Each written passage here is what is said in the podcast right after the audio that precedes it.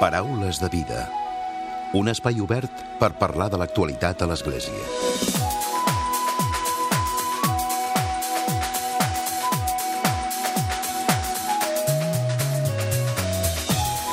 Què tal? Salutacions i molt bon dia, molt bona Pasqua. Fa uns dies vam parlar del dia del seminari que es va celebrar el diumenge 18 de març. Ho fèiem conversant amb el rector del Seminari Conciliar de Barcelona, amb mossèn Josep Maria Turull. Avui us volem acostar un dels protagonistes d'aquesta diada, un dels seminaristes que actualment es troba a Barcelona. Ens acompanya als estudis de Catalunya Ràdio l'Alberto Para per conèixer com ha estat el seu procés vocacional. Ell té 42 anys i de professió ha estat advocat fa uns quants anys que va sentir la crida a la vida religiosa. Aquest és el segon any que està al seminari i estudia el màster en liturgia. A més, col·labora també amb la parròquia de Santa Eulàlia de Vila Piscina. De seguida el saludem.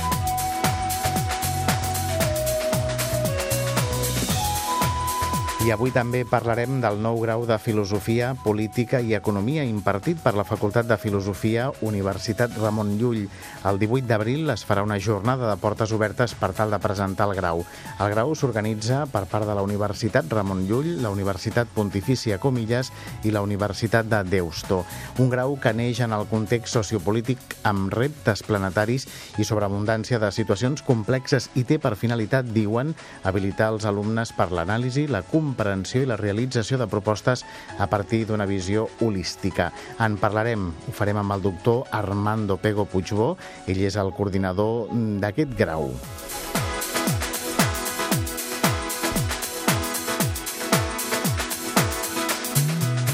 I com sempre, a la recta final del Paraules arribarà un nou comentari de l'actualitat de Francesc Romeu. Comencem.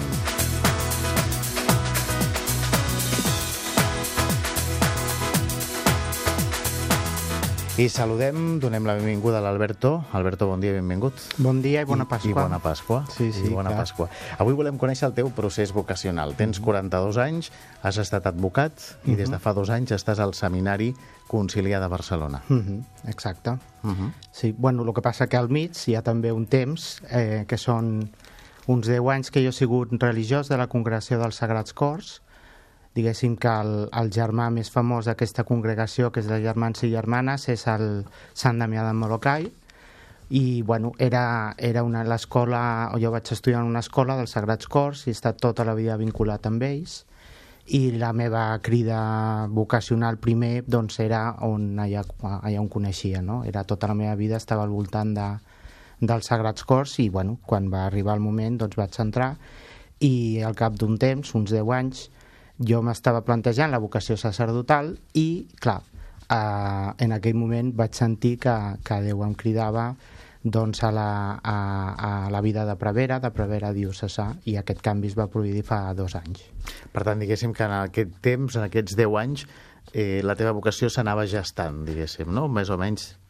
Bueno, hi ha molta gent que pensa que, que la, la vocació és una, una crida, i jo sempre he pensat que és més aviat una, una conversa, perquè no és un moment que es produeix en el passat una crida que et diu alguna cosa i ja després has de viure, sinó que és una conversa. I, home, les coses de Déu sempre m'ha sempre m'ha costat una mica d'anar esbrinant que em demana a mi, no? Però potser ha estat com un procés, Alberto. Sí, sí, sí. És, és un procés eh, paulat, paulatino, paulatinament, no? Sí, sí, sí. Home, primer, jo, diguéssim, vaig vaig descobrir a Jesús, que seria com el primer pas, no? Jo això segurament tenia 15-16 anys, ara hauria de pensar, però, i, i a partir d'aquí doncs, primer es va coent una vocació cristiana en general i després allò s'ha de concretar en una d'una manera més concreta d'estar dins l'església i això a mi m'ha costat molt de temps uh -huh. pel que es veu, clar però ara el resultat és que ara des de fa dos anys estàs al seminari. Sí, sí, no, jo crec, home, jo crec que ja he encertat el camí, jo crec que ja estic, estic on he d'estar. I jo... quan arriba el moment en què dius, ara sí, ara vull dedicar-me a això, vull ser sacerdot?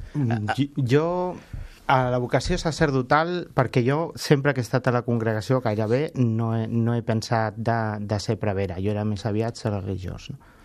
Però eh, el moment concret que jo dic vull ser prevera es va produir a l'estiu de fa dos anys, a, al juliol, a Loyola, jo estava fent els exercicis ignacians d'un mes. Jo ho vaig demanar precisament perquè hi havia un procés vocacional que semblava que hi havia una crida dins la crida i jo volia esbrinar que, que, que era jo i bueno, ara no et sabria dir exactament quin dia, si miro les meves notes eh, ho podria confirmar, però al voltant de, de, no, de primera i la segona setmana allà m'ho vaig sentir. És aquell moment no, en el que dius, sí, sí, ara ho tinc clar, no? si ara decideixo aquest camí. Allò va ser a Loyola, a, a, a la casa dels jesuïtes, fent uns exercicis i allà ho vaig sentir i allà li vaig dir que sí, encara que aquest sí després s'ha de corroborar en el temps i ha de passar doncs, una mica de discerniment contrastat amb formadors i tot Clar. això. No? Ara mm, dius, mm, fa dos anys, ja de fet encara és la recta final no? del que és la teva formació abans de ser ordenat prevera. Mm.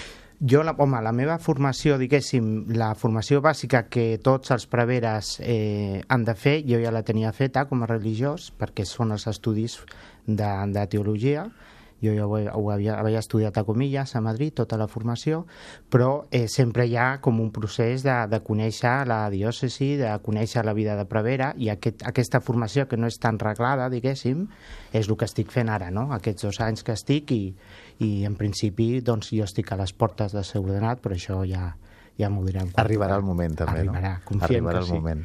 I estàs fent un màster. Estic fent un màster de litúrgia, a la mateixa Facultat de Teologia hi ha adscrit un institut, l'Institut Superior de Litúrgia de, de Barcelona, i bueno, és un màster de, de dos anys i, i bueno, un màster com qualsevol màster que pot haver en qualsevol universitat, però aquí està especialitzat en estudis de litúrgia. Uh -huh. Alberto, ets jove, tens 42 anys, eh, aviat seràs, eh, si Déu vol, eh, prevera, seràs eh, capellà. Quines qualitats penses que ha de tenir el capellà avui dia? Bueno, jo crec que avui en dia un capellà eh, no sé si se li demanen masses qualitats per lo que quan un sent eh, persones parlant d'això, no? Jo el primer que crec que ha de tenir eh, eh, és ser una persona que estigui molt, mm, no sé, com molt relacionada amb Jesús, que, que, que sigui eh, eh, un, algú que de veritat ho senti proper, que senti que, que ha ressuscitat, que ha ressuscitat per ell, que en el seu dia a dia no és una idea, sinó que és algú amb qui, amb qui comparteix camí. No? I després, a partir d'aquí, doncs cadascú també segons les seves capacitats. No? Jo penso que avui en dia una, una, bona, una bona forma de ser prevera és ser proper a les persones, perquè hi ha molta gent que necessita parlar, necessita trobar sentit a la vida, necessita, necessita trobar-se en, eh, en neguits, en usos que té. I, això seria una mica la transformació d'això que dius, no? de, mm. de sentir-se proper a Jesús no? i transformar-ho sí. en les persones. No? Bueno, és que segurament mm, jo tendeixo a dir el que de fer amb els demés que, el mateix que ha fet Jesús a mi, no? Jo crec que a, a, a Jesús ha donat sentit ple a la meva vida i jo crec que la meva tasca, tasca és ajudar els demés a fer-ho també. I amb això, clar, eh, ser proper és la manera, perquè si no és molt difícil ser proper a, la, a les persones i em, empatitzar no? amb tot allò que, mm. que els hi passa. Sí, eh, home, no jutjar, no, no, perquè la vida és molt complicada, hi ha unes realitats molt, molt complexes, de vegades un, bueno, ja ho deia Sant Pau, això, que un fa el que no vol i, i fa mal moltes vegades no? fent, fent això. Però eh, al final eh, es tracta de posar-te en camí amb els altres i anar cap a Jesús, no? Jo, mm. jo crec que és... és eh, i, i en això jo encara que sembla, de vegades penso que només parlo d'això últimament perquè és el que estudio, però jo crec que en això la litúrgia pot ajudar molt, no? Sí? Sí, perquè jo crec que encara que és molt difícil d'escoltar, ai, és molt difícil de viure la, la, la litúrgia, eh, perquè de vegades és un llenguatge que no s'entén, de vegades són símbols que, que han perdut sentit en moltes persones, jo penso que al millor, eh, bueno, jo penso, l'Església diu que al millor lloc on ens podem trobar en Jesús ressuscitat és allà, allà ens trobem tots els moviments, tots els grups cristians, tothom es troba en l'Eucaristia, per exemple, i tothom que és cristià ho és perquè s'ha batejat, vull dir, tot el que té a veure amb la litúrgia és un puc, un puc comú de tothom, on, on ens, podem, en, ens podem veure amb Jesús ressuscitat avui en dia. En aquests dies de Pasqua que, que comencem ara mateix a celebrar, doncs eh, jo crec que en la litúrgia com la vetlla pasqual d'ahir a la nit o les misses que celebraran avui, doncs evidentment tot això es pot sentir molt especialment, però igual que cada diumenge, no? per uh -huh. exemple. L'Alberto és un dels eh, diferents seminaristes que hi han. De fet, ara hi ha una... No sé si, si, el, si el nombre és òptim, però hi ha una bona fornada no? de seminaristes joves que teniu moltes ganes de fer coses. Això és veritat. Home, jo eh, sempre dels números, quan es parla avui en dia, sempre em sembla que mai són suficients Home, jo sempre penso que Jesús va començar amb 12 al principi, o sigui que ara som més al seminari, no hi ha problema.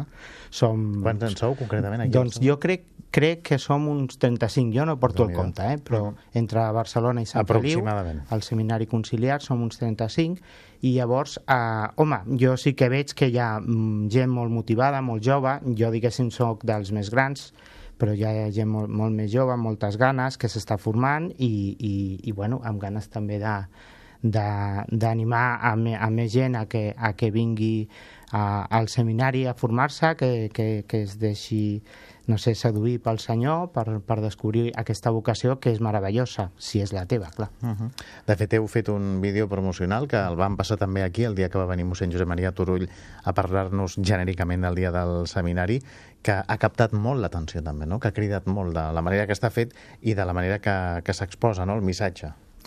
Home, jo penso que aquest vídeo, eh, bueno, primer és, és un vídeo que jo, està molt ben fet, no, no ho he fet jo, per això ho puc dir amb tota sinceritat, eh, és un vídeo que té qualitat professional, penso, eh, i sobretot jo crec que el missatge que transmet és, és, és important, no? Per una banda es veu la, la, el dia a dia d'un seminarista, que és una vida bueno, normal, tot el que pot ser normal dins d'una institució eh, perquè té les seves, les seves característiques, però bueno, allà es veu com la gent fa esport, com nosaltres fem esport, jo no sóc dels que en fa molt, però eh, jo que sé, la bugada, eh, dinem junts, preguem, estudiem, tot, tot això ho fem i, i, i vivim contents fent comunitat.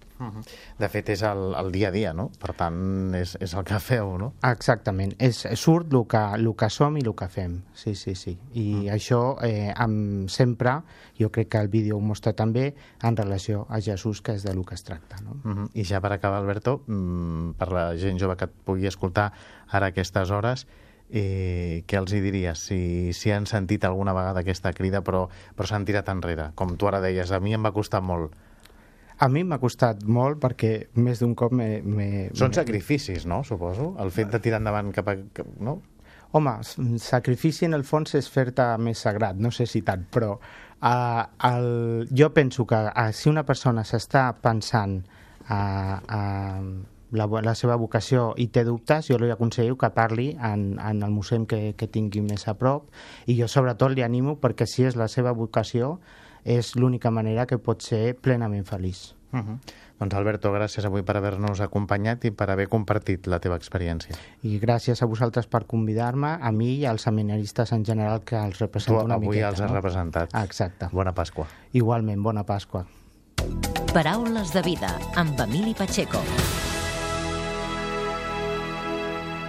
Ho hem dit a la portada, avui volem parlar-vos també del nou grau de Filosofia, Política i Economia que s'imparteix per la Facultat de Filosofia Universitat Ramon Llull i ens acompanya a través del telèfon el doctor Armando Pego Puig. Molt bon dia.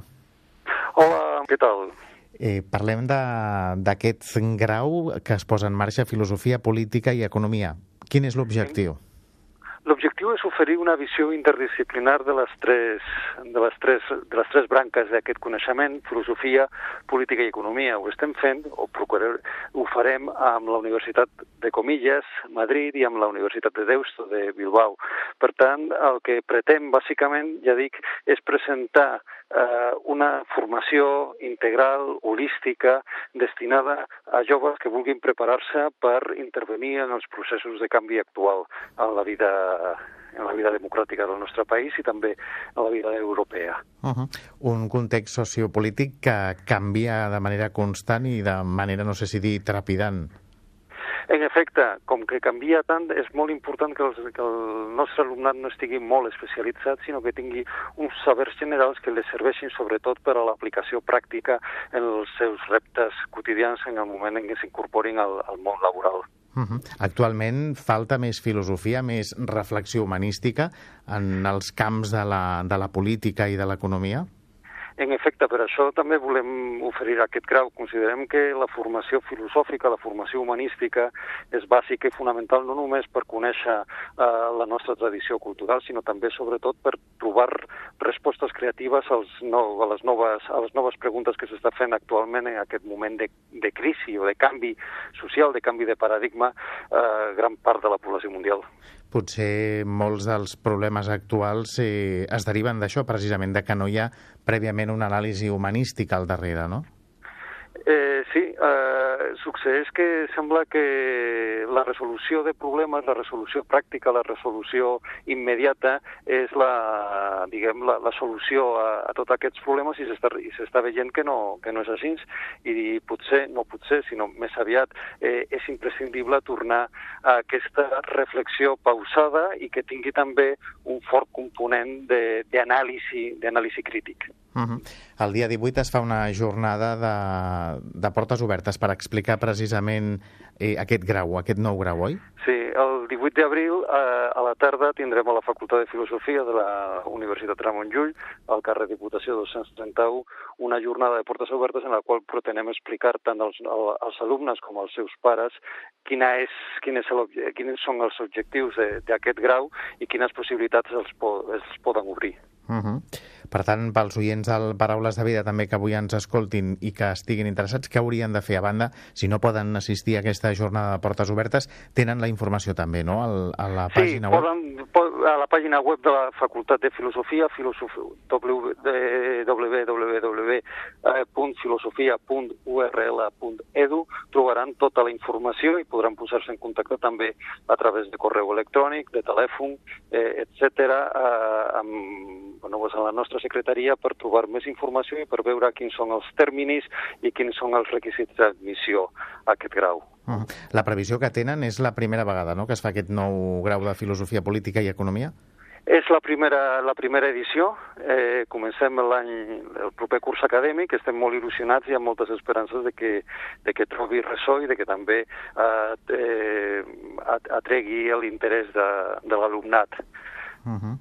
Doncs hem parlat d'aquest nou grau amb el doctor Armando Pego Puig. Ell és el coordinador del grau en Filosofia, Política i Economia que imparteixen des de la Facultat de Filosofia Universitat Ramon Llull. Gràcies. Moltes gràcies. Bona tarda. Paraules de vida. Segueix-nos a Facebook i Twitter. Arroba Paraules de vida. I tot seguit arriba el comentari de l'actualitat de Francesc Romeu. Francesc, bon dia i bona Pasqua. Molt bon dia a tothom i molt bona Pasqua. Després d'haver celebrat tots aquests dies sants d'aquesta Setmana Santa, avui encarem ja la celebració de la Pasqua. Si bé hem de reconèixer que les celebracions de la Setmana Santa no estan del tot pensades per la participació i el seguiment dels infants, sí que podem intuir que la il·lusió dels infants hi és ben present tant al principi com al final de la Setmana Santa. Al principi, per la benedicció diumenge passat de les palmes, els palmons i els rams, un moment en el qual els infants en són el del tot protagonistes, però tampoc els podem oblidar avui i demà, en la celebració de la Pasqua, amb la típica mona de Pasqua eren i són els padrins els encarregats de regalar el pastís de la mona als seus fillols i filloles. Antigament es tractava d'un tortell rodó al qual s'hi afegien tants ous durs com anys tenia el nen o nena, i fins a l'edat que permetia el tortell d'incloure els ous durs. Avui en dia solen ser ja més aviat unes mones artístiques on hi poden aparèixer tota mena d'escenes i de personatges, com per exemple el mateix Leo Messi. Però una cosa sí que s'ha anat perpetuant, són els ous, els ous que ara fins i tot poden ser de xocolata i envoltat de plomes i d'uns petits pollets. Quina és la simbologia de l'ou de Pasqua? Segons diuen, l'ou de Pasqua ens fa pensar en el sepulcre de Jesús, que pot semblar molt dur per fora, com una pedra, però que en canvi a dintre, amagat, i conté la vida, el pollet. Un molt bon signe. No voldria ignorar tampoc avui el context social i polític d'aquesta Pasqua del 2018, immersos en una profunda inestabilitat. Per això, ens volem fer ressò del comunicat d'un organisme d'església del qual en parlàvem fa molt pocs dies, arrel dels seus 50 anys d'existència. Em refereixo a Justícia i Pau de Catalunya, que en defensa dels drets fonamentals i la democràcia expressava aquesta setmana la seva extrema preocupació pels processos judicials, empresonaments i ordres de detenció que afecten en aquests moments a desenes de dirigents polítics catalans i la situació política que això produeix en el nostre país. Com ja han expressat alguns dels nostres bisbes, aquests fets provoquen una gran tensió i malestar en la nostra societat i dificulten una convivència fraternal. Aquestes decisions judicials constitueixen una gravíssima violació de drets fonamentals, generadora d'un dany terrible als afectats i a les seves famílies. Així s'han expressat nombrosos organismes i ONGs nacionals i internacionals de drets humans i juristes de reconegut prestigi. Les conductes per les quals són acusades aquestes persones, ni que fossin considerades il·lícites d'acord amb la llei espanyola, en una democràcia no poden en cap cas ser considerades delictives. Menys encara poden ser motiu d'empresonament sense judici. Es tracta de conductes que van ser desenvolupades sota l'impuls de la majoria absoluta d'un Parlament democràtic d'acord amb els programes electorals presentats i amb el suport d'una proporció molt notable de la població.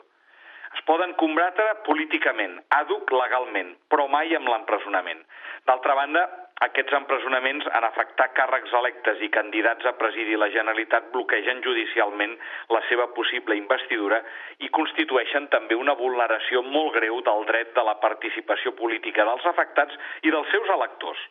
A la vegada, són una intromissió il·legítima en el funcionament del Parlament i les institucions d'autogovern de Catalunya. Així mateix, resulta evident que els fets eh, objecte del procés penal no es poden qualificar de cap manera com de violents.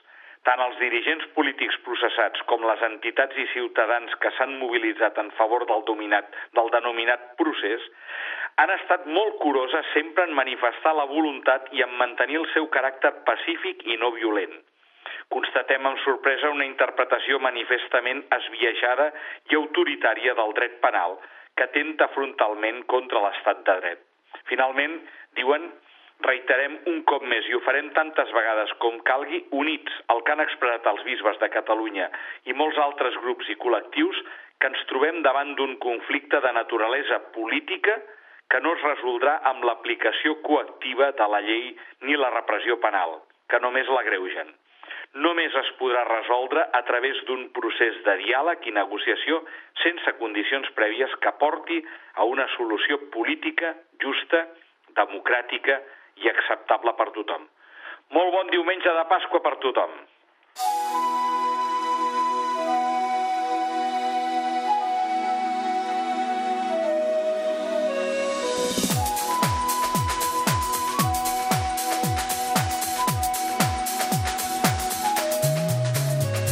Fins aquí el Paraules de Vida d'aquesta setmana, d'aquest diumenge. En Lluís Alonso ha estat el control tècnic i qui us ha parlat, l'Emili Pacheco. Que passeu bon diumenge i una molt bona setmana.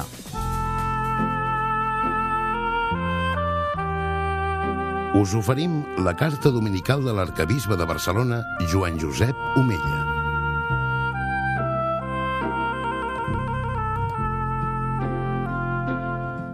Déu vos guard. Avui és Pasqua de Resurrecció. Cantem a plena veu, Al·leluia. Sí, celebrem el triomf de Crist sobre la mort i el pecat. Celebrem la nostra salvació. Expliquen d'un famós savi alemany que, havent d'ampliar el seu gabinet d'investigacions, va llogar una casa al costat d'un convent de carmelites. I va pensar, quina meravella, aquí tindré un silenci permanent. Van passar els dies i va comprovar que, efectivament, el silenci envoltava la casa, excepte a les hores d'esbarjo. Llavors, al pati veí esclataven sortidors de rialles, unes riallades transparents i una deu inexaurible d'alegria. I era un pou que s'escolava per portes i finestres. Un goig que perseguia l'investigador per molt que tanqués els finestrons. Per què reien aquelles monges? De què reien? Aquestes preguntes intrigaven l'investigador, tant que la curiositat el va empènyer a conèixer la vida d'aquelles religioses. De què reien si eren pobres? Per què eren tan felices si res del que alegra aquest món era seu? Com podien omplir-los la pregària, el silenci?